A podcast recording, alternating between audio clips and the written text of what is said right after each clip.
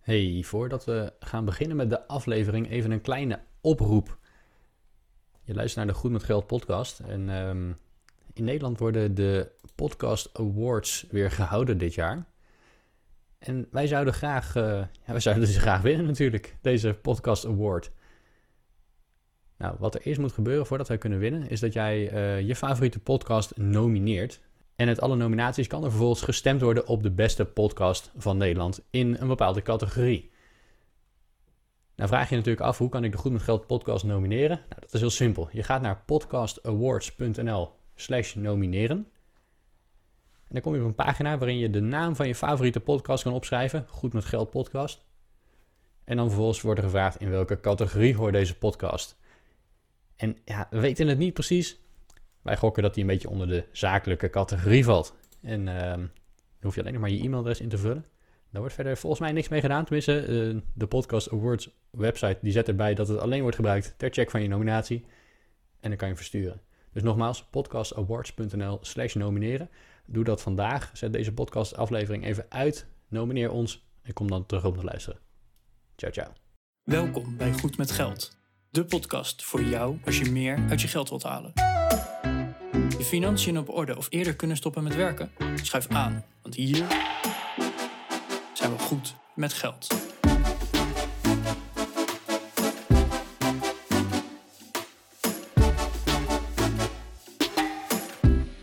Aflevering 137 van de Goed met Geld podcast. Bas en Arjan zijn we hier en we hebben een uh, gast in de studio vandaag, Tony. En uh, ja, we zijn een beetje op zijn pad gekomen, of hij is misschien wel op ons pad gekomen toen hij een uh, berichtje stuurde naar ons, naar aanleiding van de podcast nummer 130. Die je kunt terugluisteren op goedmetgeldpodcast.nl slash 130. Um, waarin hij vertelde dat hij, uh, ja, dat je toch wat, wat voorzichtig misschien moet zijn met de huidige economische, um, in het huidige economische klimaat.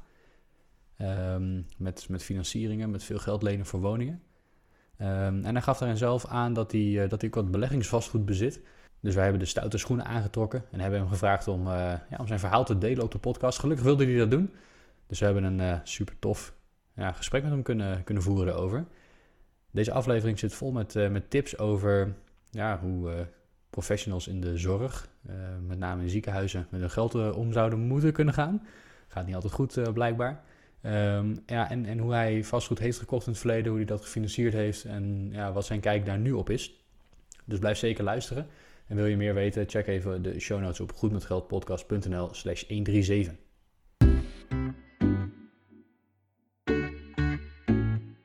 Goedemorgen Arjan. Hey Bas.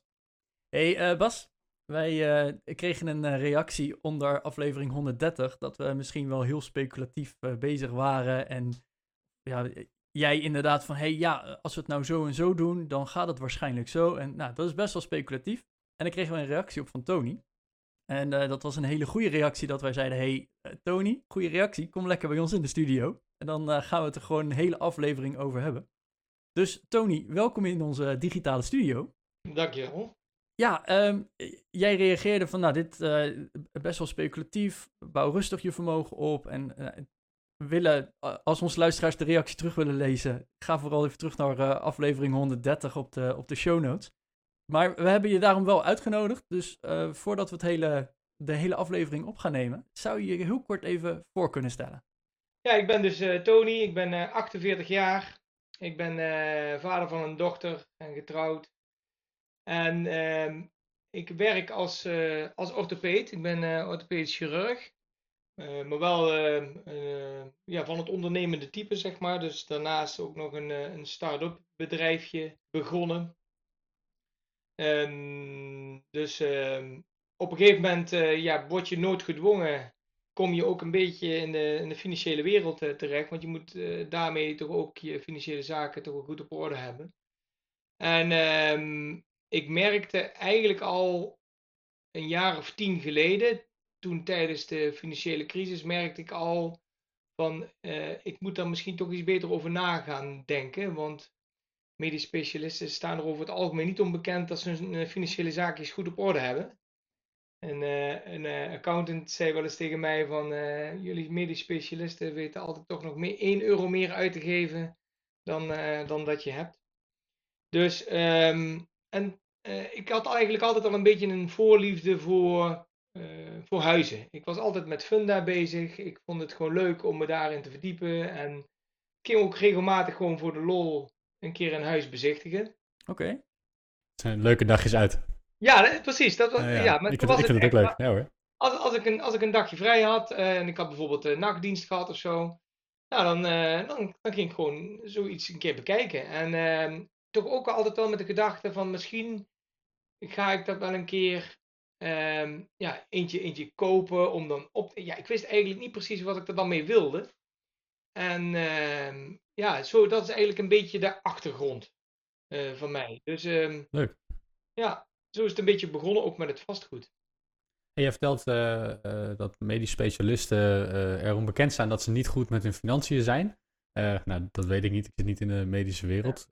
Wat wel misschien in de maatschappij leeft, is dat medisch specialisten in ieder geval goed verdienen. Ja, jullie hoeven het zeker niet van een, van een minimumsalaris te doen. Nee. Hoe, hoe, kan het, hoe kan het dan toch dat toch zoveel specialisten nou, niet, niet zo goed met geld zijn?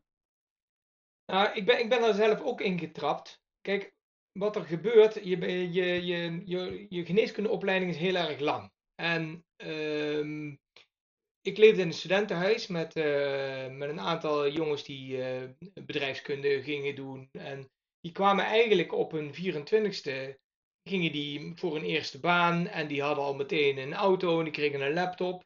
En toen liep ik nog kooschappen. Ja. En de kooschappen verdien je eigenlijk niks, dan gaat gewoon je studiefinanciering door. Mhm. Dus dat contrast wordt dan steeds groter, terwijl je eigenlijk net zo oud bent. Je hebt hetzelfde traject doorlopen van, van eh, eh, ja, toen nog poppenduis en doctoraal, maar nu eh, eh, hoe heet het, bachelor en master. En je, je, loopt hetzelfde traject, maar zij, lo zij, zij sprinten eigenlijk in één keer van je weg. Dat gevoel Mhm. heb je een beetje. Nou ja. En dan ga, moet jij nog gaan beginnen met je opleiding eh, tot medisch specialist. En ook als je huisarts wordt, dan moet je nog steeds een opleiding afronden. Dus dat, eh, dat beter of goed gaan verdienen, dat komt eigenlijk pas laat. Ik was pas 35 toen ik dat hele traject afgerond had. Zo. Ja, en ehm, daar, daar vergissen ook veel mensen zich wel eens in, van, eh, dat, dat het ook pas heel laat op gang komt. Mhm. En daar leef je dan naartoe. En ik denk dat je dan op een gegeven moment op het punt komt dat je denkt van als dat eenmaal zover is, ja, dan, dan zijn we er. Hè? Dan, en eerlijk gezegd, zo reageren de banken ook. Want dan ga jij voor de eerste keer ga jij misschien wel nadenken om, om een huis te kopen. En dan kom je bij de bank en die zegt, nou kom maar binnen. Je wordt met alle egaars ontvangen. En ik ging toen ook de eerste keer naar de bank. En dan zeggen ze gewoon in één keer van, en toen vooral in die tijd, kon je gewoon vijf keer je, eh, je, je, je bruto salaris kon je gewoon lenen. Ja. En daar, daar begint het al mee. Je bent net klaar met de opleiding. Als het goed is, heb je ergens een plekje gevonden om dan je specialisme uit te gaan veroefenen. En, eh, en dan vervolgens ga je meteen een enorme investering doen. Mhm. En ik heb een heleboel collega's echt kasten van huizen zien kopen. En nou, da- daar voelde Met hun al- startsalaris eigenlijk. Of... ja, ja, Ja. En dat voelde eigenlijk al meteen niet goed.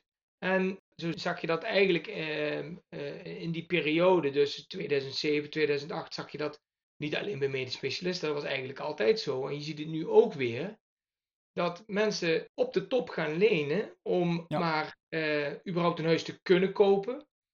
Of keeping up with the Joneses, hè? Dus, eh, dus eh, ehm, om, om maar eh, eigenlijk ten opzichte van je collega's te kunnen verantwoorden dat je ook een groot huis gekocht hebt en eh, je gedraagt zoals je tussen aanhalingstekens je zou moeten gedragen. Ja, misschien wel een grote Volvo in de private lease. En, eh, nou ja, dan moet- precies, ja, dat soort dingen. ja. Je ziet het allemaal gebeuren. En, eh, nou ja, dan, en dan heb je een normale levensloop met kinderen. Die kinderen die gaan misschien ook allemaal weer studeren of die gaan allemaal weer naar school. Dat, is, dat kost natuurlijk ook geld. Vervolgens, ja, dat zie je ook bij medisch specialisten, gaan dat ook een heleboel scheiden. Nou, dat kost natuurlijk ook weer een hele hoop geld. Ja. Dus eh, je ziet daarom dat die toch, nou ja, we, we staan niet bekend als ehm, de financieel meest onderlegde beroepsgroep. Nou, dan ben jij daar misschien een uitzondering op. Nou, ik, ja, ja eh, in het begin dus niet. Want jullie vroegen eh, ook van, ehm, wat is een financiële blunder? Kijk, in het begin ging ik mee in die, in die hoos en kocht ik eigenlijk ook een te groot huis.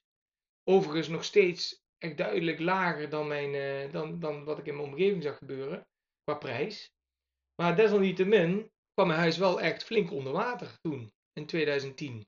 Ja. En ja, dat vond ik zo'n eh, akelig gevoel. Dat, dat, dat, ja, dat kan ik eigenlijk niet omschrijven. Dat is echt een heel onrustig gevoel. Want ondanks dat, dat eigenlijk alles goed verloopt. En je hebt gewoon een vaste baan. En je hebt een. eh, er, staat, een, staat een auto op de oprit. En eigenlijk loopt alles goed. Maar toch knaagde er iets bij mij. Van ja, stel dat het nu in één keer eh, misgaat. Ik word.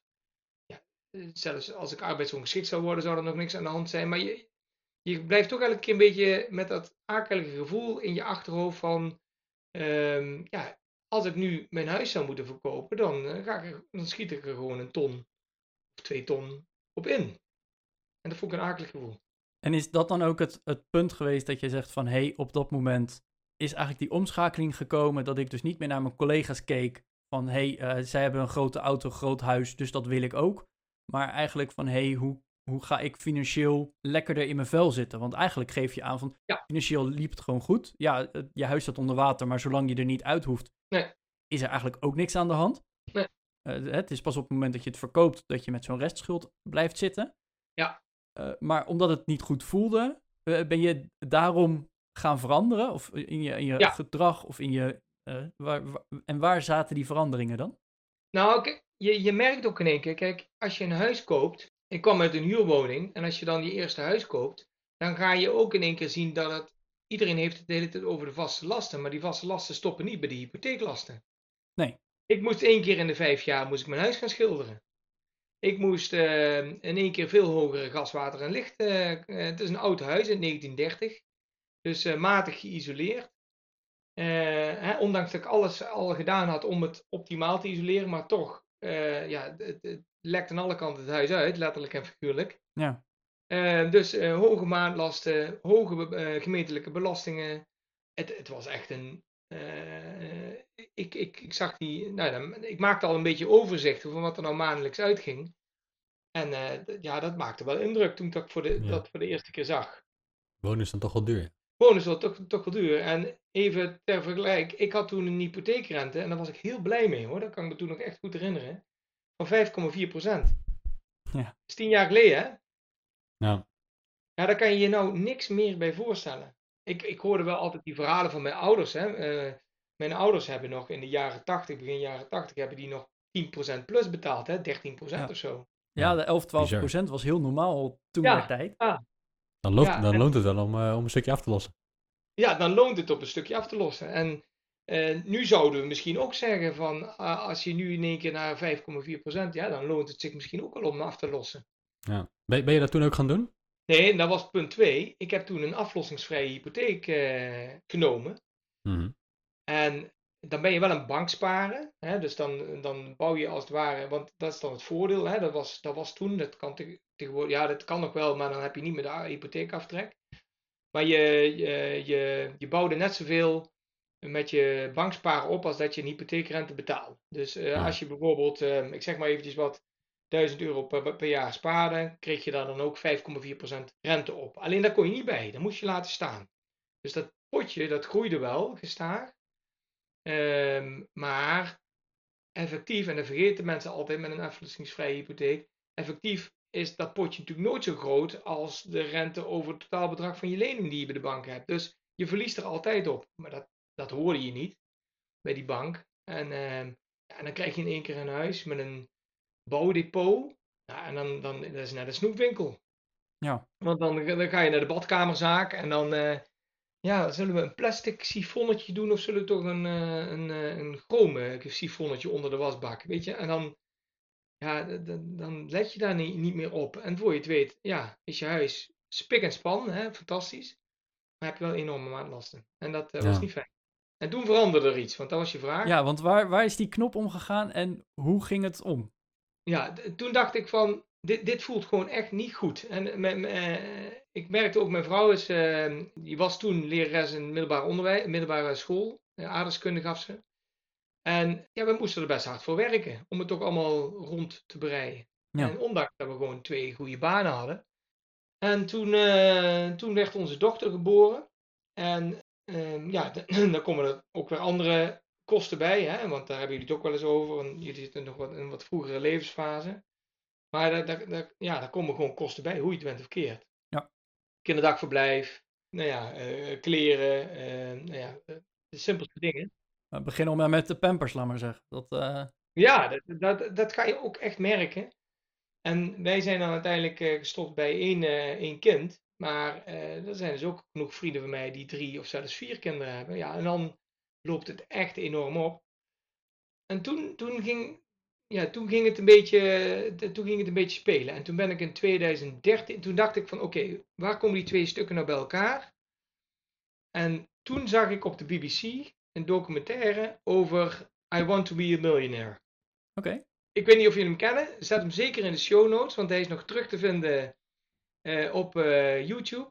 Oké. Het is een, een documentaire van vier afleveringen, zeg ik uit mijn hoofd. Waarin voor het eerst Robert Kiyosaki, wat mij betreft in ieder geval, voorbij kwam. Ja. Ja. Maar er worden een aantal mensen worden daar geïnterviewd die ehm, op allerlei manieren ja, miljonair willen worden. En dat is niet mijn doel. Maar ehm, er waren wel allerlei verschillende manieren waarop die mensen dat probeerden te bereiken. En eentje, meerdere daarvan, was vastgoed. En dat was in de tijd dat dat nog in Nederland eigenlijk niet gebeurde. In 2013, dat is ook een.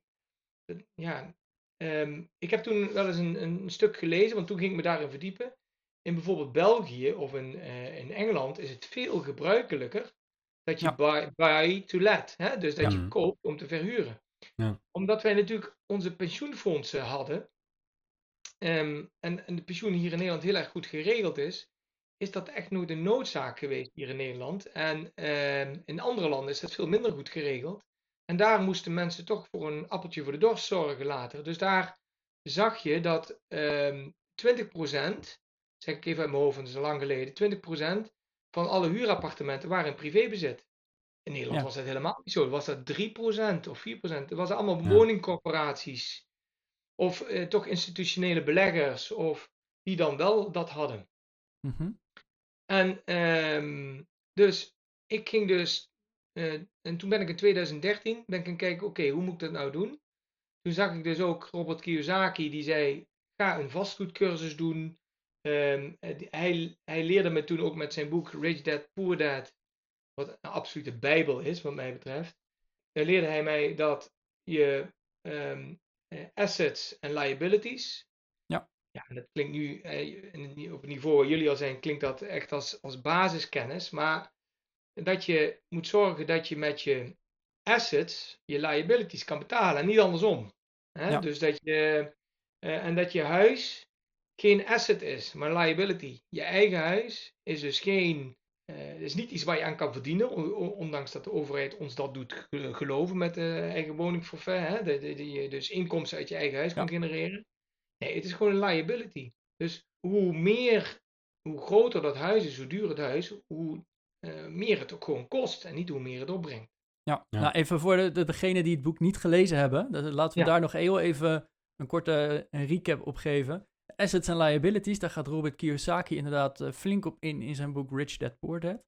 Ja, een, een asset is dus een, een eigendom iets wat geld oplevert, eh, zoals een stuk vastgoed in de verhuur of eh, misschien zelfs wel aandelen, maar en dan heb je nog liabilities en dat kost gewoon geld. En Ja. eh, hij zegt eigenlijk, eh, de woning waar je in woont, dat kost gewoon geld. Het levert, het, er komt niks binnen, dus het kost geld. Je moet het eh, warm stoken, maar je moet het ook verven, je moet het onderhouden, noem maar op. En er staat geen inkomstenstroom tegenover. Precies. Let wel, let wel, een accountant die zal het hier niet mee eens zijn. Als je kijkt naar Ja. de traditionele, hè, hoe, hoe een balans in de, in de bedrijfseconomie werkt, dan, eh, dan zou je eigen Ja. huis er zeker wel een, een asset zijn. Ja. Maar in, inderdaad, in de personal finance eh, ja, de, nemen we de term misschien, eh, de, de term liability iets ruimer. Namelijk als een bezitting die gewoon, eh, ja, kost van geld Ja. automatisch. Ja, dit is een verplichting eigenlijk. En Robert Kiyosaki geeft dus eigenlijk aan van, hè, als je ook nog een boot koopt, dat is gewoon een liability. Dat kost geld, daar gaat alleen maar geld uit. En wat hij eigenlijk predikt in zijn boek is, zorg nou dat je voldoende assets hebt, dus inkomen genererende onderdelen, zodat jij al jouw liabilities, dus afhankelijkheden, kan betalen. En een auto en dat vind ik altijd wel een treffend voorbeeld, ehm, kan zowel een asset zijn als een liability. Als je een auto gebruikt gewoon voor je privégebruik en je hebt een Mercedes op de oprit staan, dan kost dat heel veel geld. Dan is het een verplichting, dan is Ja. het een liability. Maar als je die auto gebruikt als taxi, dan wordt het in één keer een asset. Ja. Dat vond ik altijd wel een treffend voorbeeld. Hè? En eh, zo kan het ook met een boot. Als je die, als je die verhuurt eh, eh, tijdens de vakantie, dan is het in één keer een asset geworden. Dus Ja. ehm, dat, dat leerde, dat, dat was mijn kijk op bezittingen, werd in één keer een stuk anders. En dat was echt een knop die, die omging. Ja. En eh, het is gewoon ook, leest heel lekker, heel lekker weg. Hè? De, eh, rijke pa, arme pa is gewoon een Nederlandse vertaling. Het is echt een, nou ja, als je een beetje geïnteresseerd bent in, in financiën, dan is het echt een boek waar je op het strand gaat lezen. Want het leest gewoon lekker weg. Het is- Het is gewoon leuk opgeschreven. Het vertelt een beetje iets over zijn, eh, over zijn jeugd. Maar ehm, dat heeft bij mij echt de knop om, omgedraaid. Ja. En waar ben je begonnen? Ja, en toen dacht ik van ja, waar, ja, waar moet ik nou beginnen? Want ik, ik, je leert in het boek ook een klein beetje iets over eh, hoe je het aan moet pakken. En dan zijn er nog een aantal delen daarna die ook absoluut lezen, eh, lezenswaardig zijn. En die gaan wat meer over hoe dat je dan die vastgoed, hoe dat je dat dan moet doen. Nou ja, dat ehm, eh, heb ik gedaan. En toen ben ik ook gaan zoeken, want in Amerika eh, is, is, is het, het is een Ame- Amerikaans boek. Eh, in Amerika is het heel makkelijk om allerlei cursussen te vinden als het gaat over vastgoedinvestering, beleggen. Maar hier in Nederland en vooral in 2013, want daar heb ik het op de, eh, over, was het nog helemaal niet het geval, 2012, 2013. Dus met pijn en moeite vond ik toen een vastgoedcursus en dat was een twee keer twee dagen in een hotel. En ehm, eh, dan, dan dook je helemaal, dan kreeg je eigenlijk ja, gewoon college over hoe dat je in vastgoed moet investeren. En ook een stukje over beleggen, maar vooral vastgoed. En dat was een eye-opener ook weer voor mij. Want hij, hij leerde eigenlijk van in welke sector, want ik, ik zag wel op Funda allerlei appartementen te koop staan. Maar ik wist nou eigenlijk niet van waar ik op moest letten. En hij leerde mij termen als bruto aanvangsrendement. Ehm, nou, en je zit daar met, we zaten daar met denk ik 10, 15 man.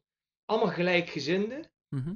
En dat is een snelkookpan van kennis. Dat is Ja. echt, dat kan ik iedereen aanraden. En dan hoeft het niet per se goed te zijn, maar het feit dat je met allemaal gelijkgezinden in één ruimte komt en tijdens de koffie ook aan het discussiëren bent hoe je dat dan allemaal doet, is echt een eye-opener geweest.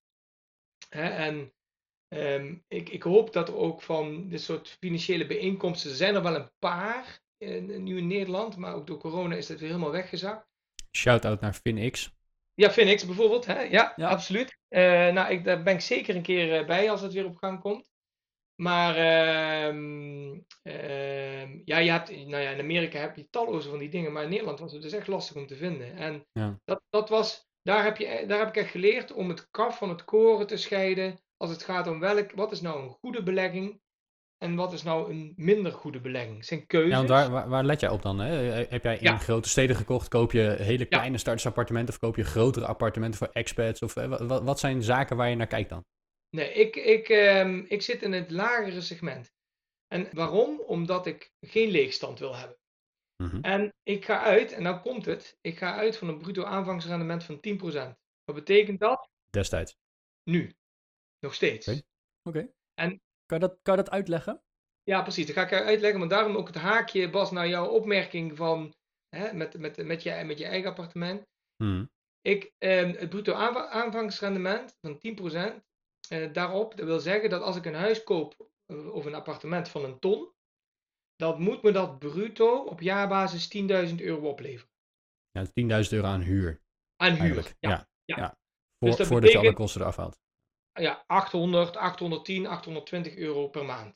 Ja. En dat heb ik niet zelf verzonnen. Dat zie je eigenlijk ook in, in al die podcasts en, al- en, en ehm, eh, zie je dat terug over 1% regel hebben ze ook wel eens. Hè? Dus 1% ehm, per maand rekenen ze dan. Hè, dat is ongeveer hetzelfde. Ehm, maar dat komt erop neer dat je dan eigenlijk altijd een hele gezonde ehm, financiële huishouding hebt met betrekking tot je appartement. Ik hoorde jullie ook even discussiëren over, heb je nu berekend wat het nu eigenlijk kost en wat je netto rendement is Ehm, en daar zijn op internet hele mooie ehm, Excel-sheets voor te vinden, waar je eigenlijk alles in kan vullen, inclusief de, de overdrachtsbelastingen, eh, afschrijving van interieur, herstelkosten, eh, gemeentelijke belastingen, etc. Mhm. Krijg je op het eind krijg je dan een rendement. En als je die 10% aanhoudt, dan zit je eigenlijk altijd boven die 10% rendement ook. Ja, dus wat, wat, wat, eh, voor de luisteraar even wat er gebeurt. Ja. Eh, nou, Tony, je hebt, hebt wat meer dan ik. want Ik heb inmiddels ook een beleggingspand. Ja. Ik, ik zit daar op een, eh, op een 10% bar ongeveer, als ik uitga van de aanschafprijs. Maar ik heb een beetje vals gespeeld, want ik heb hem echt jaren geleden aangekocht om er zelf te gaan wonen. Nou, inmiddels ben ik verhuisd en verhuur ik het appartement. Eh, dus op basis van de oorspronkelijke aanschafprijs zit ik, eh, zit ik boven die 10% denk ik eh, op dit Ja. moment. Als ik uit zou moeten gaan van een huidige reële verkoopprijs, dan zal het 5, 5,5% zijn. Omdat Ja. de, die woningwaarde is gewoon, gewoon Ja, meegestegen. Maar wat je, wat je in feite doet als je, als je voor een hoge bar, voor een hoog bruto aanvangsrendement kunt aankopen, wat je daarmee eigenlijk veilig stelt is een stukje cashflow. Ja. Eh, want van- vanuit die huur die je hebt, als je die 10% eh, aan huur ontvangt, 10% van de aanschafwaarde, ja, dan heb je nog een hoop kosten. Je moet hem misschien eh, financieren, dus je moet een, eh, een bank gaan betalen voor, jou, eh, voor jouw hypotheek. Je hebt een beheerder ertussen zitten, je moet sparen voor onderhoud en reparaties en noem het maar op. Hè. Dus de, de- je hebt wat belastingen waar je mee te maken krijgt. Dus je hebt lopende kosten en als je die allemaal ervan aftrekt, dan wil je nog wel wat cashflow overhouden. Ja. En als je uitgaat van een hoog genoeg bar, dan, dan, dan dwing je eigenlijk af dat je naar je netto rendement, na kosten, dat die, dat die hoog genoeg is. Dus dat is, dat is wel belangrijk. En ook als ik nu, nu naar de markt kijk en je gaat nu op Funda kijken en je houdt rekening mee dat je in de grotere steden gewoon eh, rustig 20% nog overbieden. Ja, dan ga je never nooit meer eh, die hoge bar vinden. Dus het is, het is kansloos. En eh, dat was ook wel een waarschuwing. Ik, ik, ik weet dat ik best conservatief da- daarin ben, misschien hoor. Want ik denk dat er op dit moment. ehm, ga maar eens een keer ehm, een bezichtiging plannen voor een appartement wat te koop staat. Geheid dat je met investeerders te maken krijgt die je concurrenten zijn. Ja. Ja. En die houden dat echt niet meer aan. Maar het is wel een, een belangrijke waarschuwing met de ervaring die ik nu heb naar mensen die net gaan beginnen. Je hoort nu van ja, maar op de bank krijg ik nu maar een half procent rendement op mijn vermogen. Ja, Ja. dat klopt wel. Maar dan ga je ervan uit dat jij dadelijk, stel dat je om wat voor reden dan ook het appartement een keer verkoopt, dat je automatisch ook dat bedrag weer terugkrijgt. Ja. Hè? En als jij nu op de piek van de markt gaat zitten en je, je maakt hetzelfde mee als wat heel veel mensen in 2008 meemaakten, dat ze, of eigenlijk hier in Nederland pas in 2012, want toen was eigenlijk 2013 dieptepunt in de huizenmarkt, dat mensen gewoon via executieverkoop, dus echt via veilingen en dergelijke, gewoon een huis door de bank verkocht werden en eh, gewoon 50, 60, 70.000 euro op, eh, op een appartement van 130.000 euro eh, verloren. Ja, dat is gigantisch. Ja, dat is heftig. Dan ga je aardig hard het schip in. Dan ga je aardig hard schippen en als er dan eigen geld is, dan kan je natuurlijk dat wat, maar dat is niet de bedoeling geweest van je investering. Nee. Dus ehm, ja, du- dus dat is een beetje, dat, dat is in ieder geval mijn strategie. En dat heeft ervoor gezorgd dat ik ook niet veel heb kunnen aankopen. Ik heb even kunnen profiteren van de markt in 2013, 2014. Mhm. Maar daarna was het, eh, was het wel echt, werd het steeds moeilijker. En nu op dit moment is het gewoon onmogelijk. En jij, jij vertelde net, je zit in, eh, in kleinere appartementen, gaf je aan, hè? in het, eh, in het Ja. starterssegment misschien, als we het zo kunnen noemen. Is dat in, in grote steden of in dorpen of ja, in randgemeenten? eh, ja in, in, in Nijmegen is dat. Ja. Oké, oh ja, dus dat is wel een, een fatsoenlijke grote stad met grote universiteiten en bedrijven. Ja. En, ja, ja, precies. Nou, en zo is het eigenlijk ook een beetje begonnen. Want ehm, ik deed op dat moment ook nog onderzoek op het Radboud. En ehm, dat kwam toen heel mooi samen. Ehm, wij konden toen wel onderzoeksprojecten schrijven. Alleen wij konden eigenlijk toen geen geschikte kandidaten vinden. Omdat, er, omdat de huisvesting zo lastig was. Hmm. Ah. En nou, die kwamen natuurlijk perfect bij elkaar. Want ik hoefde maar, dat was een prikbord, een digitaal prikbord eh, van het Radboud ziekenhuis, universiteit. En dan kon je gewoon het appartementje opzetten. En dan wist je ook, nou dat zijn betrouwbare huurders. Want zij hadden een personeelsnummer, want dat, je kan niet op, dat, op die site komen als je geen personeelsnummer hebt. Nee, ze hebben sowieso een inkomen. Ja. en, eh, Ja, ja, ja. ja, ideaal. Dus, de, de- dus dat is ook een, een, belangrijke tip. Je, je moet eigenlijk, eh, als je, vooral als je in de grote steden zit, is dat nog wel een, eh, een, een goed toevluchtsoord. En meestal hebben ze eigenlijk wel altijd zo'n prikbord. Hmm. En dan weet je gewoon dat je betrouwbare huurders krijgt. En hoe, hoe ging dat dan bij je eerste appartement? Want je, je geeft aan van, nou, ik, eh, die huurder vinden, dat lukte dan nog wel. Maar Ja. eh, ik, ik heb Robert Kiyosaki wel eens horen zeggen, ik kijk 100 appartementen en dan koop ik er misschien één als het mee zit. Ja. Eh, Ja. Maar hoe ging dat bij jou? Heb je veel appartementen gekeken? Hoe heb je het gefinancierd? Hoe, hoe is dat proces? Nou, Oké. dat, dat leerde ik ook op die vastgoedcursus. Je, je, je begint met een selectie van, nou, laat ik, tijden zijn veranderd, hè? Want toen, Ja. eh, ehm, er staan hier een aantal appartementencomplexen in de buurt. Je, je- overal hingen borden buiten. Daar kan je je nu ook niks meer bij voorstellen, maar er stonden Nee. allemaal te koop. En de helft van die borden hing er al een beetje af, die stonden gewoon al leeg. Ehm, dus dat was, dat was, het was echt een, een slagveld in, in 2012, 2013. Er waren gewoon mensen die al lang naar Groningen waren verhuisd voor hun werk en die hier nog met een appartement zaten in, eh, in Nijmegen. Dus tijden zijn wel veranderd. Dus ik maakte toen een selectie van, laat ik zeggen, iets van 20 appartementen gewoon op Funda. Mhm. En eh, die in de prijscategorie vielen eh, van om en bij 100, 110, 120.000 max. Ja. Eigenlijk eerder 110 dan 120. Kun je je nu ook niks meer bij voorstellen, maar dat was toen. Ja. Omdat ik die 10% wilde halen, want ik wilde in het goedkope segment verhuren, omdat daar de kans dat mensen blijven zitten groter is. Dat Ja. is gewoon Ja. ook zo.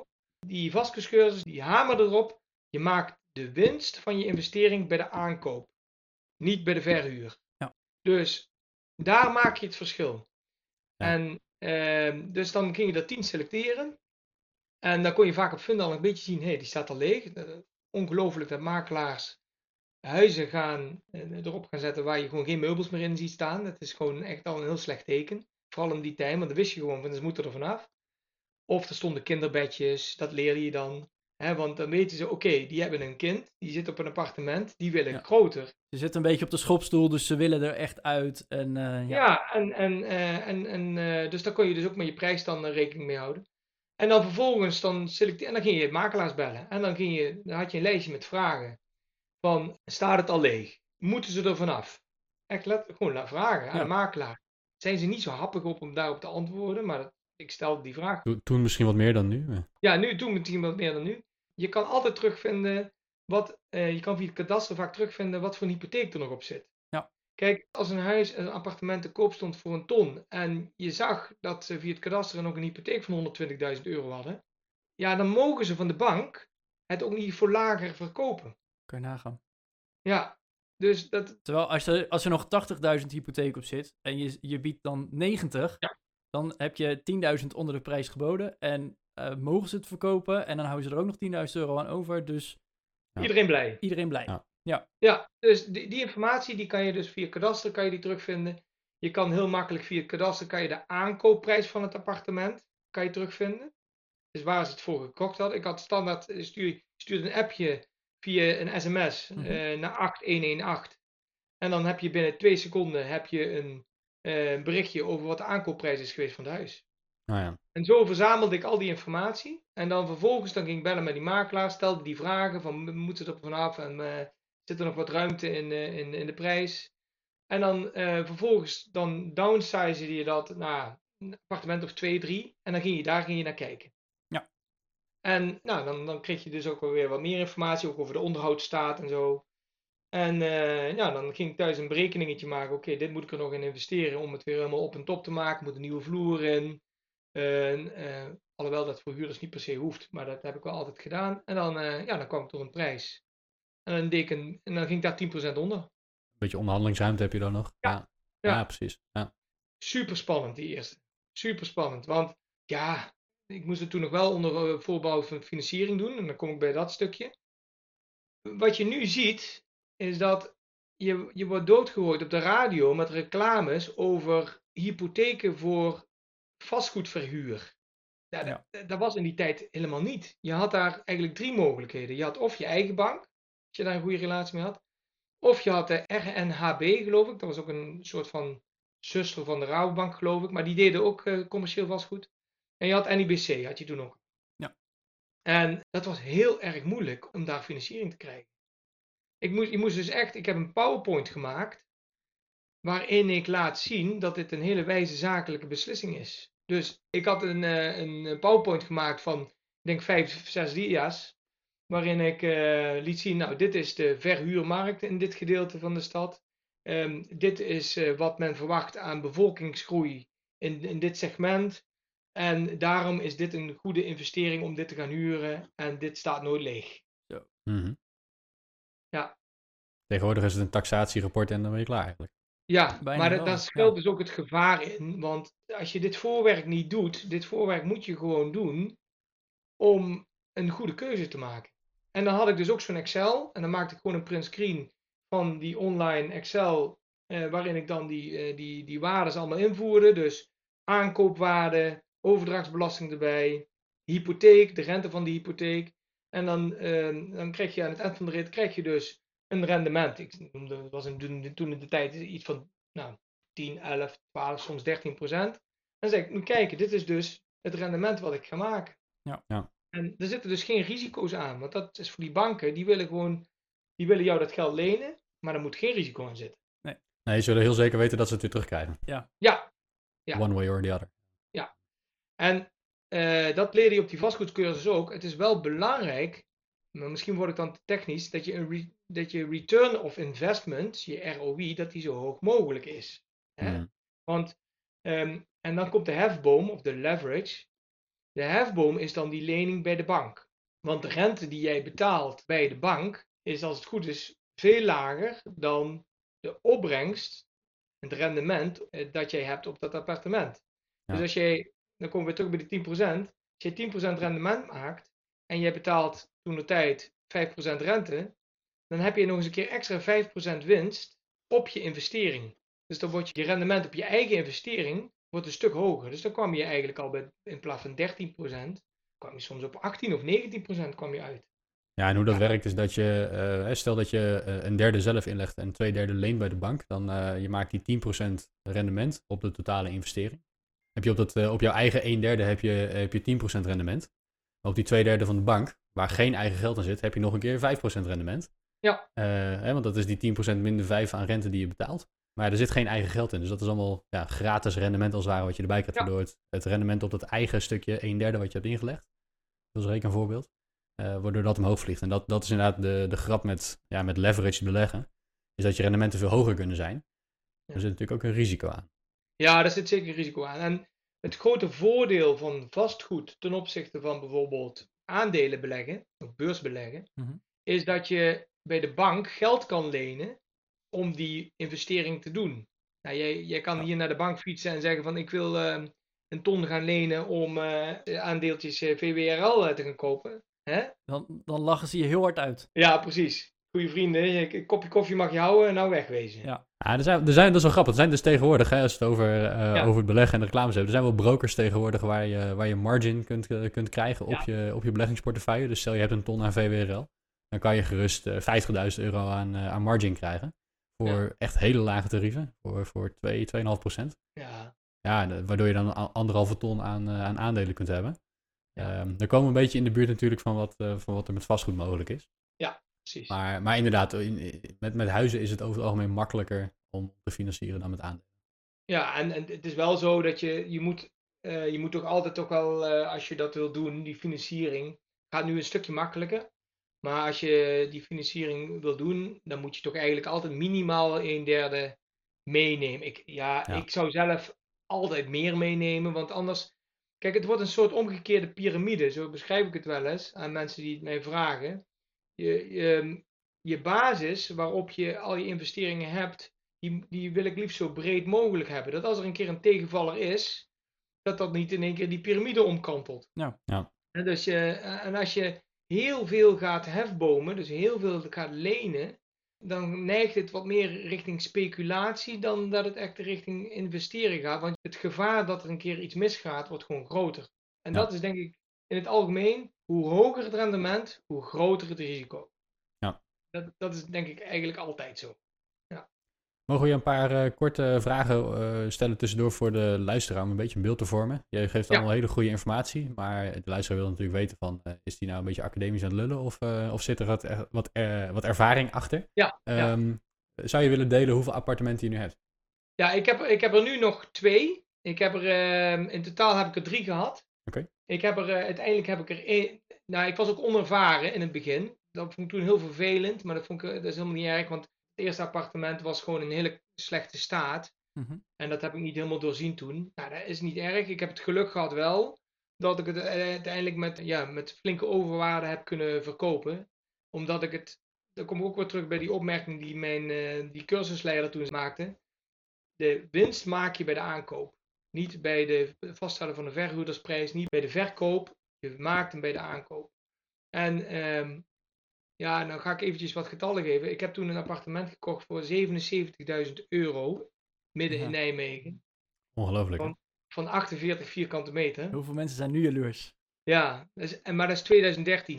En dat is ook meteen een waarschuwing. Want ik denk dat er iets aan gaat komen. Ehm, eh, want die bubbel, dit is niet voor niks een vastgoedbubbel. Het gaat uiteindelijk gaat het een keer knappen. Maar dat, dat heb ik dus eh, uiteindelijk eh, goed kunnen, kunnen verkopen, als je, eh, zoals je wel begrijpt. Maar ondertussen is mijn zoektocht niet gestopt. Ik zeg, het het is natuurlijk wel gewoon hartstikke moeilijk. Ja, dat gaat gewoon door. Hè. Je hebt via beleggingspanden.nl, hè, daar komen ook altijd nog eh, mogelijkheden voorbij. Maar daar zie je ook wel dat het, het, ja, ze weten gewoon wat ze ervoor kunnen vragen. Ja, en wat bij beleggingspanden.nl, want ik, ik, ik heb dan nu één, eh, één pand in de verhuur. Ik ben ook nog wel op zoek naar een, eh, naar een tweede. Met, eh, met twee vrienden die ieders ook al in vastgoed zitten, Ja. zijn we ook al samen op zoek om met z'n drieën een, een veel groter pand te kunnen kopen. Omdat je Ja. toch wat meer slagkracht hebt met z'n Ja. drieën. Wat wij zien, en we hebben al een paar keer bij, bij grotere panden via beleggingspanden.nl gekeken, is dat de echt goede deals komen daar niet op. Want die brokers die daartussen zitten, Nee. die hebben een netwerk met kopers waarvan ze weten, als er nu een, een pand van een miljoen te koop komt, dan hoef ik die te bellen, die tikt hem cash af en we zitten volgende week bij de notaris. Eh, dus Ja. die, komt die komt nooit op de markt en, en ook niet op beleggingspanden.nl. Ja. Eh, dus, dus ook daar zie je nu dat de, ja, dat de rendementen eigenlijk beginnen te dalen. hè? Maar ik- Ja. weet je, kijk, ik had er achteraf, dat is natuurlijk altijd een beetje achteraf kijken, maar achteraf, mijn medecursisten, er zijn er een aantal bij die, eh, die er helemaal geen hebben gekocht, want die vonden het toch uiteindelijk te spannend. Maar er waren er ook bij die toen top gefinancierd 5, 6, 7, 8 appartementen gekocht hebben. Nou, Ja, dat vond ik toen echt spannend. Omdat ik, ja, ik kon natuurlijk ook niet voorzien, ja, nu heb ik er spijt van. Achteraf lachen zij natuurlijk. Zij, zij, zij Ja. lachen zich dood. En ik heb nog wel contact met enkele, via zo'n Facebookgroep. Mhm. En, ehm, eh, maar die, die, eh, ja, die, hebben, die hebben er uiteindelijk een paar verkocht. En die hebben eigenlijk een, eh, ja, schaapjes volledig op het droge. Want die hebben nu, ehm, nou ja, laat ik zeggen, drie, vier, vijf appartementen die volledig vrij zijn. Ja. En verhuurd in grote steden. En alleen maar inkomsten genereren. We kijken Ja. of die cashflow je dan pakt, ja. ja. Ja, eh, die, die zijn gewoon klaar. En dat eh, gewoon in een periode van vijf jaar eigenlijk, hè.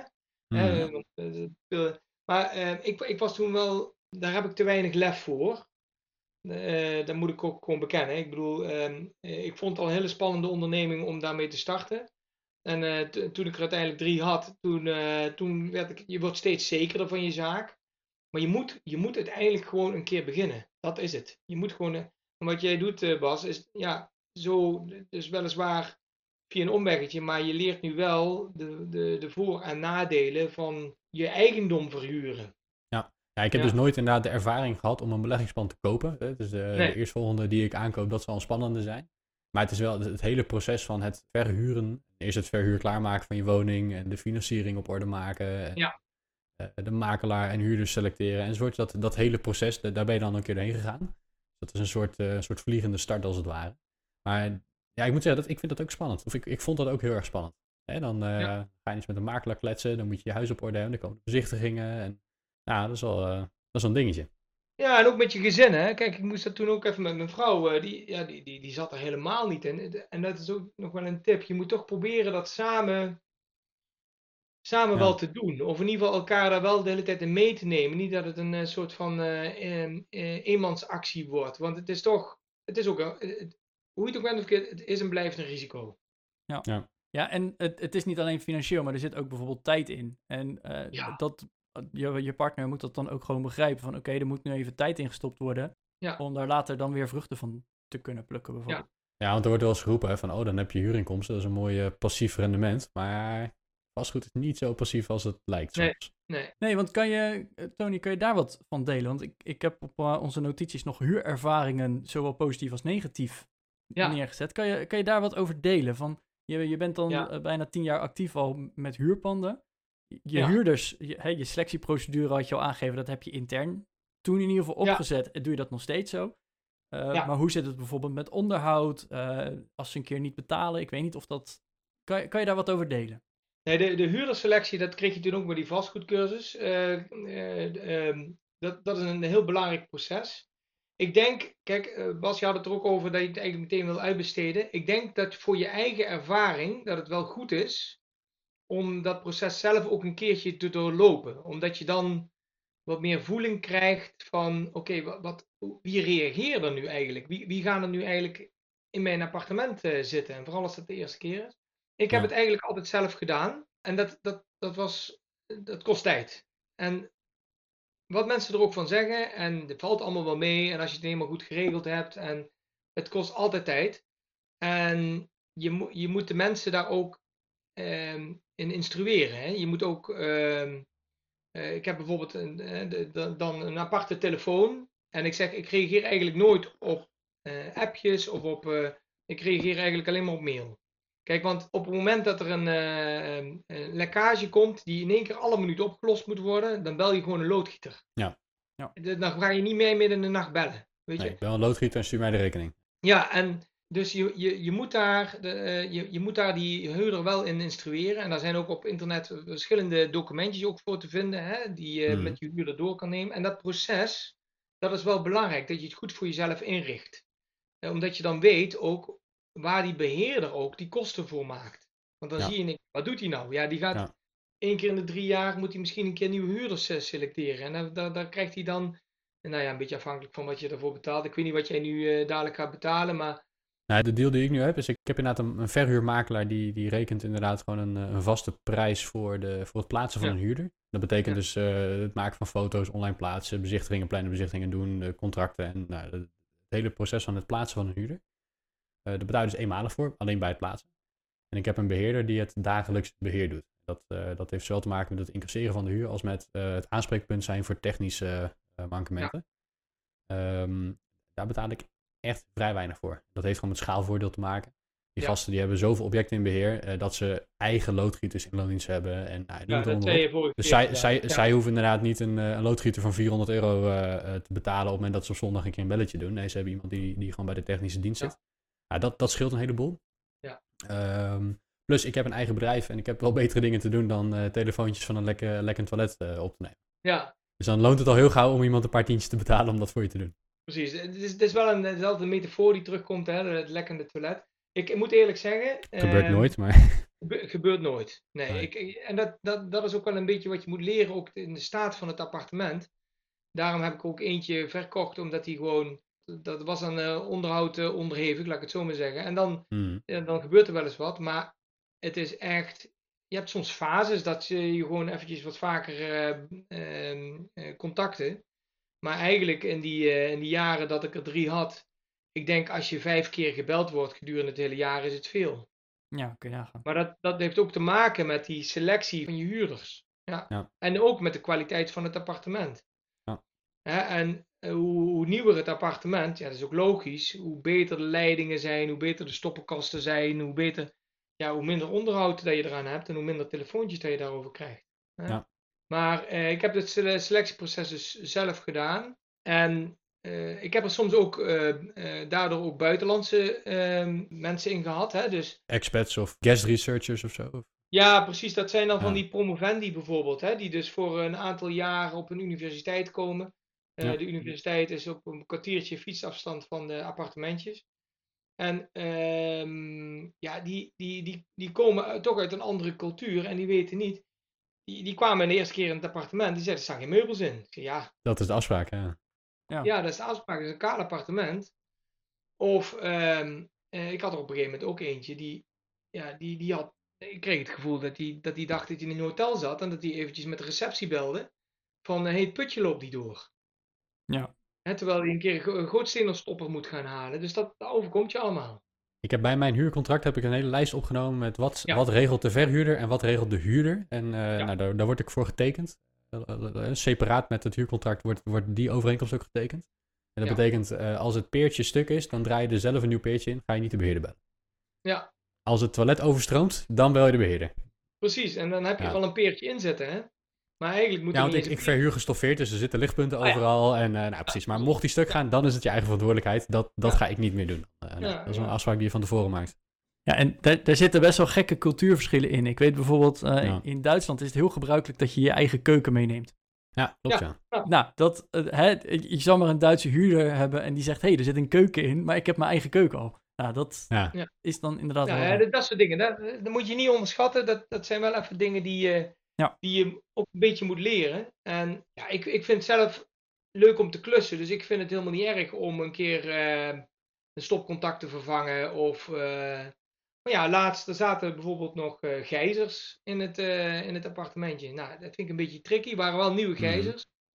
Maar ja, koolmonoxide, vergiftiging, je moet... Je wordt, je Liever wordt- niet. Nee. het het is grappig, elke keer als je op het nieuws hoort van er is een appartementencomplex uitgebrand, of je gaat meteen denken, oh waar is het? Ja.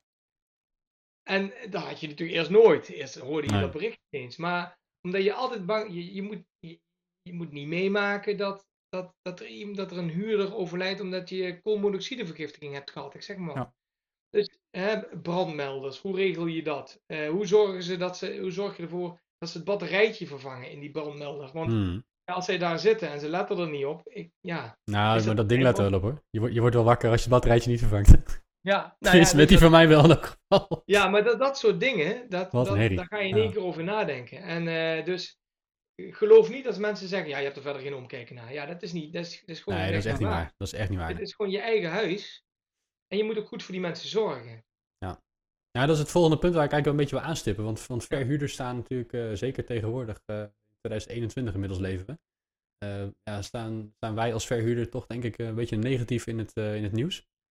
Want het zijn eh, de grote boze verhuurders die over de rug van mensen die eh, geen woonruimte kunnen vinden heel rijk proberen te worden en mensen bedreigen als, eh, als wat aan de hand is enzovoorts. Maar de meeste kleine vastgoedbeleggers, eh, die ik ken in ieder geval, en ik, ik ken er best wel wat in, eh, in mijn netwerk, die Hm. zijn helemaal niet zo. Die willen niet de woekerprijzen rekenen. Die hebben het liefst een huurder die daar vijf jaar lang of tien jaar lang met heel veel plezier blijft wonen. In plaats van eh, iemand eh, het vel over de nek trekken en, en, en elk jaar weer een ander erin hebben. Eh, we zijn trots op dat we mooie woningen verhuren, dat die een beetje verduurzaamd worden. Ehm, Ja. En, en, en toch, toch hoor je heel veel slecht, ja, slecht nieuws eigenlijk.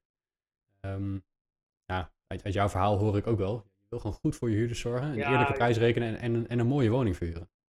Ja, en daar krijg je ook wat voor terug. Want op het moment dat je de kantjes er niet van afloopt en je zorgt gewoon goed voor ze, dan blijven ze op de eerste plaats blijven ze langer zitten. Want het proces van Ja. vernieuwen van huurders, dat is, dat is een intensief proces. Als je dat zelf doet. Dus je kan beter dan ook wat lager zitten in je huurprijs en weten dat dat een incentive is voor die mensen om langer te blijven zitten. Dat is één. Ja. En eh tweede is, ehm, je, als je wat goedkoper in die huur gaat zitten, dan gaan ze ook niet voor elke habbekrats gaan ze je een keer bellen. Hè, want ze, ze zeggen van nou, we zitten, het is gewoon een redelijke prijs. En het is ook altijd, eh, je mag eh, één keer per jaar mag je de huur verhogen. Ik hou eigenlijk altijd gewoon de inflatie hou ik aan. Dus de inflatiecorrectie. Ja. En ehm, eh, ja, da- da- dan, dan, dan zit je niet op het maximum. Volgens mij is dat 4,5% of zo mag je zelfs erbovenop gooien. Ja, het is tegenwoordig minder geworden. Het is de inflatie plus 1 voor appartementen in de vrije sector. Ja. En die, die van mij die is wat groter eh, dan, dan de 48 vierkante meter die jij noemt. Eh, meer voor een gezin geschikt misschien. Ehm, je, mag, je mag inflatie plus 1 doen. Ja, Eh, precies. Nou ja, kijk. Maar, maar de inflatie is al, is al fair, denk ik. Hè? Voor mensen wordt levensonderhoud wordt duurder, de, de salarissen stijgen mee. Nou, dan doe je de huur in, dezelfde, in hetzelfde tempo mee. Zeg. Ja, ik, ik, wil, ik wil het rendement zeg maar wil ik op peil houden. En dat, dat snappen de huurders ook. En ja, dat, dan moet je toch iets van een inflatiecorrectie toepassen. Ja. En eh, ja, je, moet- je, moet, eh, ja, je moet toch gewoon goed eh, voor ze, voor ze zorgen. Je moet in ieder geval goed voor het appartement zorgen en dat betaalt zich terug. Hey, eh, voordat we naar onze vijf vragen gaan, heb ik eigenlijk nog één vraag. En dat is, nou, je, je bent best wel gunstig ingestapt. Hè? Laten we eerlijk zijn, 2013. Ja. Zeker? als ik nu zie, ik heb mijn appartement in 2017 gekocht, dus toen was er al een opwaartse lijn. Eh, mijn appartement is ondertussen echt heel veel meer waard. Daar schrik ik zelf gewoon al van. Wat doe je met die overwaarde? Eh, ga je dat opnemen? Wat, laat je het er lekker in zitten? Eh, wat, wat is je, me- je mening en visie daarop? Een hele goede vraag. Ik, ehm, kijk, in principe heb ik die appartementen gekocht om te verhuren en ook gewoon om aan te houden. En ik heb daar met, met eh, gelijkgezinden ook wel eens, eh, hè, dus mensen die ook een beetje investeren, een paar vrienden van mij doen het ook, heb ik het er wel eens over. En dan zeg ik van ja, maar als ik nou kijk wat de overwaarde is, ik zou het nou kunnen verkopen. En moest kijken wat ik dan, ja, wat dan het rendement is geweest van die investering. Ja. Dat is echt, Gigantisch. dat, dat is echt enorm. En toen las ik het boek van ehm, Hypotheekvrij van Hornman, Ger- Gerard Hornman. En dan gooien we het even een beetje over een andere boeg. Hij beschrijft eigenlijk het gevoel wat je hebt op het moment dat je je huis hebt afgelost. En daar horen we in deze tijd eigenlijk maar heel weinig van. Hè? Omdat de hypotheekrente zo laag is, waarom zou je dat doen? Je bent dief voor je eigen port- portemonnee, want je hebt geen aftrek meer, et cetera. Maar ik moet bekennen, en daar komt toch weer een beetje die defensieve investeerder in me naar boven. Ik moet bekennen dat ik er steeds meer naar neig om dadelijk gewoon een keer te zeggen: ik verkoop een appartement. En dan los ik daarmee weer een gedeelte van mijn hypotheek af. Ja. Ja. En als je stiekem even naar, naar de oudere generaties kijkt, mijn ouders bijvoorbeeld, maar ook ehm, welke mensen hebben echt een fantastisch leven nu, financieel? Dat zijn eigenlijk de mensen die hun huis afgelost hebben. En die, een klein, die hebben dan nog maar een heel klein pensioentje nodig Hmm. eh, om daarvan te kunnen leven. En dat is, jullie hadden het bij de vorige uitzending, hadden jullie het nog even over wanneer ben je nou FIRE en hè, de Trinity-studie en 4%. En ja, bij ons is dat toch anders, omdat er eigenlijk van twee kanten ehm, benader je dat FIRE-aspect. En enerzijds vanaf de pensioenkant, want dat is bij ons natuurlijk nog steeds veel beter geregeld dan in andere landen. Aan de andere kant via je investeringskant. Ja. Ja. En eh, je hebt dus eigenlijk een relatief korte tijd te overbruggen. En ik ben 48. Ehm, wat als, en mijn belegd vermogen is relatief beperkt, hè, bedoel ik mee eh, aandelen en, en obligaties. Dus wat als eh, ik nu gewoon af kan lossen en dan, eh, dan ben, ik- ben ik gewoon een derde van mijn maandlasten ben ik kwijt. Hmm. Ja. En dat scheelt best wel behoorlijk. Dat, dat scheelt enorm. En eh, nu, nu spaar ik ook een derde van mijn eh, inkomen, ja, eh, ongeveer 38 procent. dan komen er toch wel wat dingetjes bij elkaar. En, ehm, dus, maar als je de diehard fire opinie hoort, dan, dan zeggen ze gewoon houden, niet verkopen, blijven verhuren, krijg je spijt van. Ja. Ja, Ja, ik- kijk, ik, ik denk uiteindelijk op de hele lange termijn dat je er spijt van krijgt als je gaat verkopen. ja dat denk Want ik het, ook. Het, het, het probleem is namelijk, ehm, en ik heb er zelf ook over nagedacht hoor, bij de verhuizing, eh, toen, toen wij onze woning kochten en het appartement gingen verhuren. De, prijzen zijn zo gigantisch geworden dat het appartement kan verkocht worden voor een enorme overwaarde. Nou, dan kan je of heel goedkoop in je volgende huis zitten, dat is natuurlijk een, een optie. Of je pakt echt heel veel geld wat je ineens op de bankrekening gestort krijgt en, en waar je iets anders mee kan gaan doen. Maar ja, wat ga je er dan mee doen? Op het moment dat je meerdere woningen hebt en je zegt van ja, ik verkoop er één om, om de rest af te lossen. Die snap ik, hè, want dan, dan stel je heel veel cashflow veilig. Maar zou je je hele portefeuille nu verkopen? Ja, dan Nee, geef je, ook best, je geeft ook best wel toekomstig rendement weg. En, en toekomstige cashflow waar je uiteindelijk van moet kunnen leven. Maar ik, ik heb het wel eens uitgerekend. Als ik nu kijk wat je nu met die overwaarde kan doen. eh, maar ja, dat is voor veel. Dat is natuurlijk een beetje een uitzonderlijke situatie. Daar moet ik nog heel lang voor verhuren. Wil ik dat terugverdienen? Ja.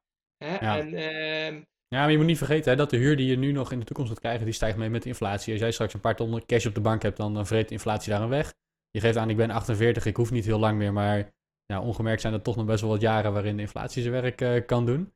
Ja, dus ik, ik zou dat wel heel spannend vinden. En ga je dan VWRO kopen op 103 euro per stuk, eh, hè, dan doe je in één keer een paar ton eh, op, op... Ja, dat, dat, is ook, dat is ook eng voor je gevoel. Misschien is het wel de beste keuze, maar... nee, als ik het nou Ja. zou verkopen, dan zou ik dan inderdaad meteen aflossen. Ja. En dan, dan is dat stukje klaar. En dan, ehm, eh, dan, dan kan je eigenlijk. eh, want ik, ik werk ook gewoon nog. Ehm, maar eh, ja, dus. ehm, Nou ja, je kan ook vanuit je inkomen natuurlijk gewoon gaan aflossen. Dan bereik je eigenlijk hetzelfde. Dat duurt iets Ja, langer. dus dan- ja, zeker. ja. Nee, dat zijn. eh, dus daarom zeg ik, het is niet echt een hele rationele beslissing. Dat moet ik gewoon toegeven. Ja. Ja. Hè, maar soms is het ook wel eens een keer. Dat, dat zit ook wel een beetje in mijn aard om een beetje tegen draad te staan of zo. Ik, ik, ik, ja, ik heb daar geen rationele verklaring voor waarom dat ik zou, dat zou doen. Ja, en ik, ik hoor hier eigenlijk de jongere Tony ook in terug. Want toen heb je gezegd van, hé, mijn huis staat onder water. Dat vind ik niet prettig. Dus ik ga er wat aan doen. Eh, Ja. nu Ja. zeg je eigenlijk van, ja, hij staat weliswaar niet onder water, maar er zit nog steeds een lening op. Dus nog Ja. steeds kan de bank aanspraak maken op een deel van die woning. Eh, en als ik in de financiële shit kom, eh, dan, dan hè, daar zijn gewoon consequenties aan. Terwijl als er geen hypotheek is, zijn die consequenties er ook niet meer vanuit de bank. Kijk, mijn doel is inderdaad om gewoon financieel onafhankelijk te worden in de zin van dat ik zelf kan bepalen wat er gebeurt. En mijn, ik heb, ik heb een, eh, echt een, super drukke baan en daar wil ik ook echt iets aan gaan doen. Eh, en dat is daardoor onmogelijk. We hebben één ding nog niet aangestipt. We zijn drie jaar geleden zijn we naar een kleiner huis verhuisd. Toevallig het huis van de buren. Dat kwam uh, te koop. Maar dat heeft ervoor gezorgd dat ik van 5,4 in één keer naar 1,7 hypotheekrente ging. Kijk. Oh ja. Ja, uh, dat heeft ervoor gezorgd dat ik de, de helft minder maandlasten nu heb, ook met aflossing. Zo. Dat heeft ervoor gezorgd dat ik een derde van de gas-water-lichtkosten heb. Dat heeft ervoor gezorgd dat ik een derde van de hypotheek, of van de, de gemeentebelastingen. Dus dat heeft voor ons zoveel vrijheid gegeven. Dat kan ik iedereen aanraden. Ja.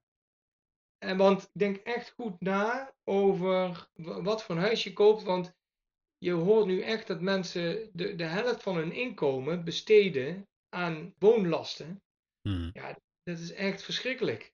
En eh, als je dat kan reduceren, het heeft, het heeft ons zoveel. We, we hebben nu nog maar twee slaapkamers.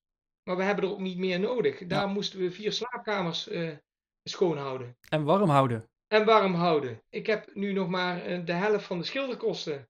Die Ja. ik, uh, omdat er een stuk minder hout uh, aan de buitenkant zit. Nou, kortom, ja, dat, dat heeft bij ons. Dat is echt. We wisten dat we er um, op vooruit zouden gaan financieel. Maar we wisten niet dat het zoveel was. En ook dat het zoveel uh, stress zou verminderen eigenlijk. Tenminste, stress oh, gewoon enorm. de, de druk Ja. van ik moet elke maand mijn salaris hebben, want anders heb ik echt een probleem. Ja. Uh, en Ja. nu is de, de hoeveelheid van je salaris die daardoor afgesnoept wordt eigenlijk al zoveel lager dat je... Hè, en, dan, en dan krijg je weer andere keuzes van misschien, uh, ik weet niet of het mogelijk is in jouw werk, maar dat je een dag minder gaat werken, omdat het gewoon al niet nodig is.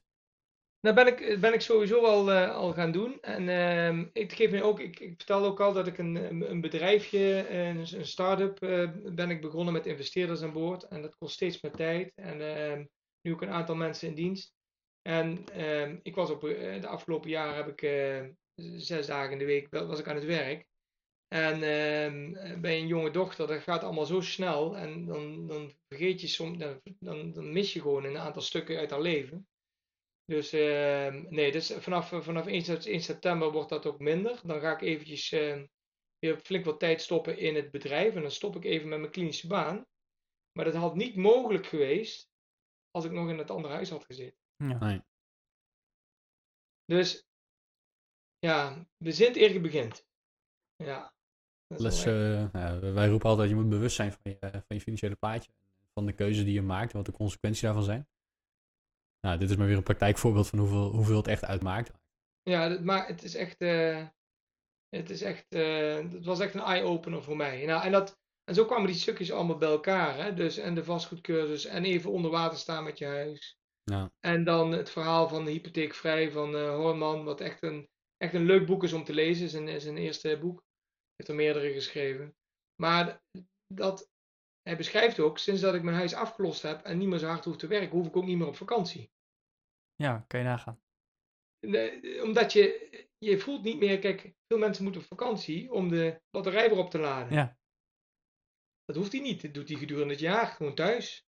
ja, ja dat, dat scheelt ook weer. Ja, nou ja, weet je. En zo zijn er een aantal aspecten die, eh, die, daar, eh, die, die, me, ja, die die knop uiteindelijk bij mij eh, en, en bij mijn hele gezin eigenlijk omgezet hebben. Ja. Ja. Goed. Hey, ik denk dat het, eh, we zijn inmiddels ruim een uur over vastgoed aan het praten. En dat vind ik zelf heel erg leuk. Maar voor de luisteraars is het misschien wel tijd om nu Ja. een beetje een einde aan het gesprek te gaan breien. Dat doen we echter niet zonder dat wij ja, de vijf goed met geld vragen hebben gesteld. Die we aan elke Ja. gast stellen. En de eerste vraag die komt zoals gewoonlijk van Arjan. Ja, eh, Tony, wat is jouw eh, grootste financiële blunder? Nou, dat, dat is dat huis, hè, dat eerste huis. Dus eh, een veel te groot huis gekocht. Wat uiteindelijk meteen onder water stond, helemaal naar de uitgebreide verbouwing die nodig was. Dat, dat heeft me aardig wat slapeloze nachten bezorgd. En uiteindelijk eh, eh, ja, hebben we het kunnen verkopen. En hebben we een veel kleiner huis daarvoor terug kunnen kopen. Zonder dat het ons schade heeft opgeleverd eigenlijk. Daar komt het neer. We hebben het weer boven water kunnen verkopen. Gelukkig. Wat kan je nu dat je vijf jaar geleden al had willen kunnen? Nou, eh, ik, ehm, ik kan nu veel meer van mijn. Ik heb meer vrije tijd. Ik heb, doordat, die, doordat ik nu mijn financiën veel beter op orde heb dan toen, heb ik nu de mogelijkheid om te zeggen van eh, ik, ik stop eventjes met mijn klinische hè, met mijn ziekenhuiswerk als orthopeed en ik ga even tijd stoppen in het bedrijf. Waardoor ik Mhm. ook meer tijd heb thuis. Oké. En eh, nou, dat had je vijf jaar eerder al willen kunnen. Eh, waar sta je over vijf jaar? Ja, dat is een goeie. Ehm, dan heb ik denk ik, en dan heb ik een afgelost huis. Eigenlijk waar ik nu ben, met een afgelost huis. Ja, dus ehm, wat meer tijd voor het gezin. Niet meer zo hard werken. Heb je nog wel je baan? Nee, die baan heb ik opgezegd. Ja, ja. Dus dat is ook super spannend. Ik, ik moet wel bekennen, ik had een soort tijdelijke, tij- tijdelijke aanstelling. Maar ik had wel de mogelijkheid om daar een, eh, een vaste aanstelling te krijgen. Maar ehm, uiteindelijk niet gedaan. En dan zie je ook bij mijn collega's, eh, het is geen goede markt op dit moment hoor, voor uh, orthopeden. Want het is, eh, het is een overschot aan orthopeden in Nederland. Oké. Kun je niet ik voorstellen misschien, maar... Dus ehm, dat, dat, eh, dat is voor heel veel collega's onbegrijpelijk dat ik die keuze maak. Ja. Maar ja, Hmm. ik, ik heb maar... ehm, ik kan niet al die ballen in de lucht houden. Maar ook wel prettig dat je door de lagere lasten nu de keuze wel Ja. kan maken. En het zal misschien wel stress opleveren, maar veel minder dan wanneer je nog in dat andere huis Oh had ja. gewoond. Ja, zeker weten. Ja, ja en ook eh, de- die, financier, die investeringen hè, die ik gedaan heb. Want het is, het is, het is het kleinere huis met het passieve inkomen natuurlijk van die appartementen. Dat, dat is het ook. Ja. Hè? Ik bedoel, eh, eh, dat, dat maakt het leven een stuk draaglijker. We hebben meerdere bronnen van informatie al genoemd in deze aflevering. Maar wat is nou de informatiebron? Dat kan een boek zijn, een podcast, een YouTube-kanaal, noem het maar op. eh, die onze luisteraars moeten kennen. Nou, Robert Kiyosaki, eigenlijk al zijn boeken, maar vooral eh, Rijke, Daad, Rijke Arme Pa. Ehm, wat ik net noemde, Hypotheekvrij van eh Hornman. Geeft gewoon een, als, als tegenhanger van al die beleggingsinformatie die tegenwoordig hoort en investeren. Investeren in je, in je eigen huis, dat bedoel ik mee aflossen, is ook een vorm van in- investeren, vind ik eigenlijk zelf. Mhm. Wat ik altijd luister is eh, Fort Anything podcast van Paula Pant. Niet alles is even goed, maar ehm, zij, eh, zij heeft ook echt. eh, daar komen eigenlijk de, de, de- alle vastgoed dingen komen daarin terug. Ze heeft een aantal ehm, afleveringen die, eh, die zoals veel doe jij ook, geloof ik, eh eh, Bas en Arjan, dat je dus samen eh, dat je aangeeft van die moet je per se even luisteren. Waar, waar zal ik beginnen, weet je wel, mee dat? Ja. Paula Penn echt, is echt goed. Wel op zijn Amerikaans, moet je wel even een beetje doorheen prikken. Ja, en een vastgoedcursus. Ik zou echt live een vastgoedcursus gaan doen. Ja, daarbij wil ik wel de kanttekening maken dat je echt goed moet oppassen bij wie je een cursus doet en wat je daar ongeveer voor betaalt. Eh, Ja. Er zijn nogal wat boeven in de markt die je voor 20.000 euro een cursus willen aansmeren. Eh, Doe dat niet, eh, beste mensen. zeker, voor 20.000 20 20.000 euro kan je beter gebruiken om je eerste appartement mee te kopen. Ja. dan dat je er een cursus van koopt. Altijd mensen geïnfo- eh, geïnteresseerd zijn. Ik, ik kan niet mijn e-mailadres geven, maar ze kunnen via jullie kunnen ze eventueel Ja. dat aan mij vragen. Ik ga, er- kan daar geen, ik ga er geen reclame voor maken, want dat vind ik een beetje overdreven. Nee, precies. Dus via goedmetgeldpodcast.nl slash contact kun je ons een berichtje sturen. En kunnen we je in contact brengen. Of in ieder geval even de, de naam van de cursus eh, doorgeven. Dat, Precies, eh, ja. Geen probleem. Ja, en eh, dan de laatste vraag. Ja, we hebben het best wel gehad over vastgoed, maar je reageerde eigenlijk ook eh, over speculatie en vermogensopbouw. Dus onze vraag is eigenlijk van wat is nou jouw advies aan onze luisteraar als het gaat om vermogensopbouw? Ik citeer eigenlijk mijn buurvrouw. ehm, eh, ze- zij komt ook uit de financiële wereld en zij is bewindsvrouw geweest ehm, eh, van, eh, van mensen in de schuldsanering en dergelijke. Ja. Allerbelangrijkste, koop eerst je rust. Dat is de belangrijkste investering. Dus wat al de, de FIRE movement, eerst je schulden aflossen. En ik vind een hypotheekschuld ook een schuld. Dat is gewoon, het is en blijft een schuld. Dus denk daar goed over na. Maar koop eerst je rust. Want het kan niet zo zijn, het moet uiteindelijk, die investering moet je rust opleveren. Want dat doe je, financiële vrijheid betekent rust. En als je er slapeloze nachten van krijgt, van die investeringen, dan gaat er iets niet goed. En ehm, als je te dure appartementen koopt, of je koopt op verkeerde momenten of op verkeerde manier ehm, eh, aandelen of eh, andere soorten beleggingen, dan krijg je er slapeloze nachten van. Dus koop eerst je rust. Kijk wat bij je past.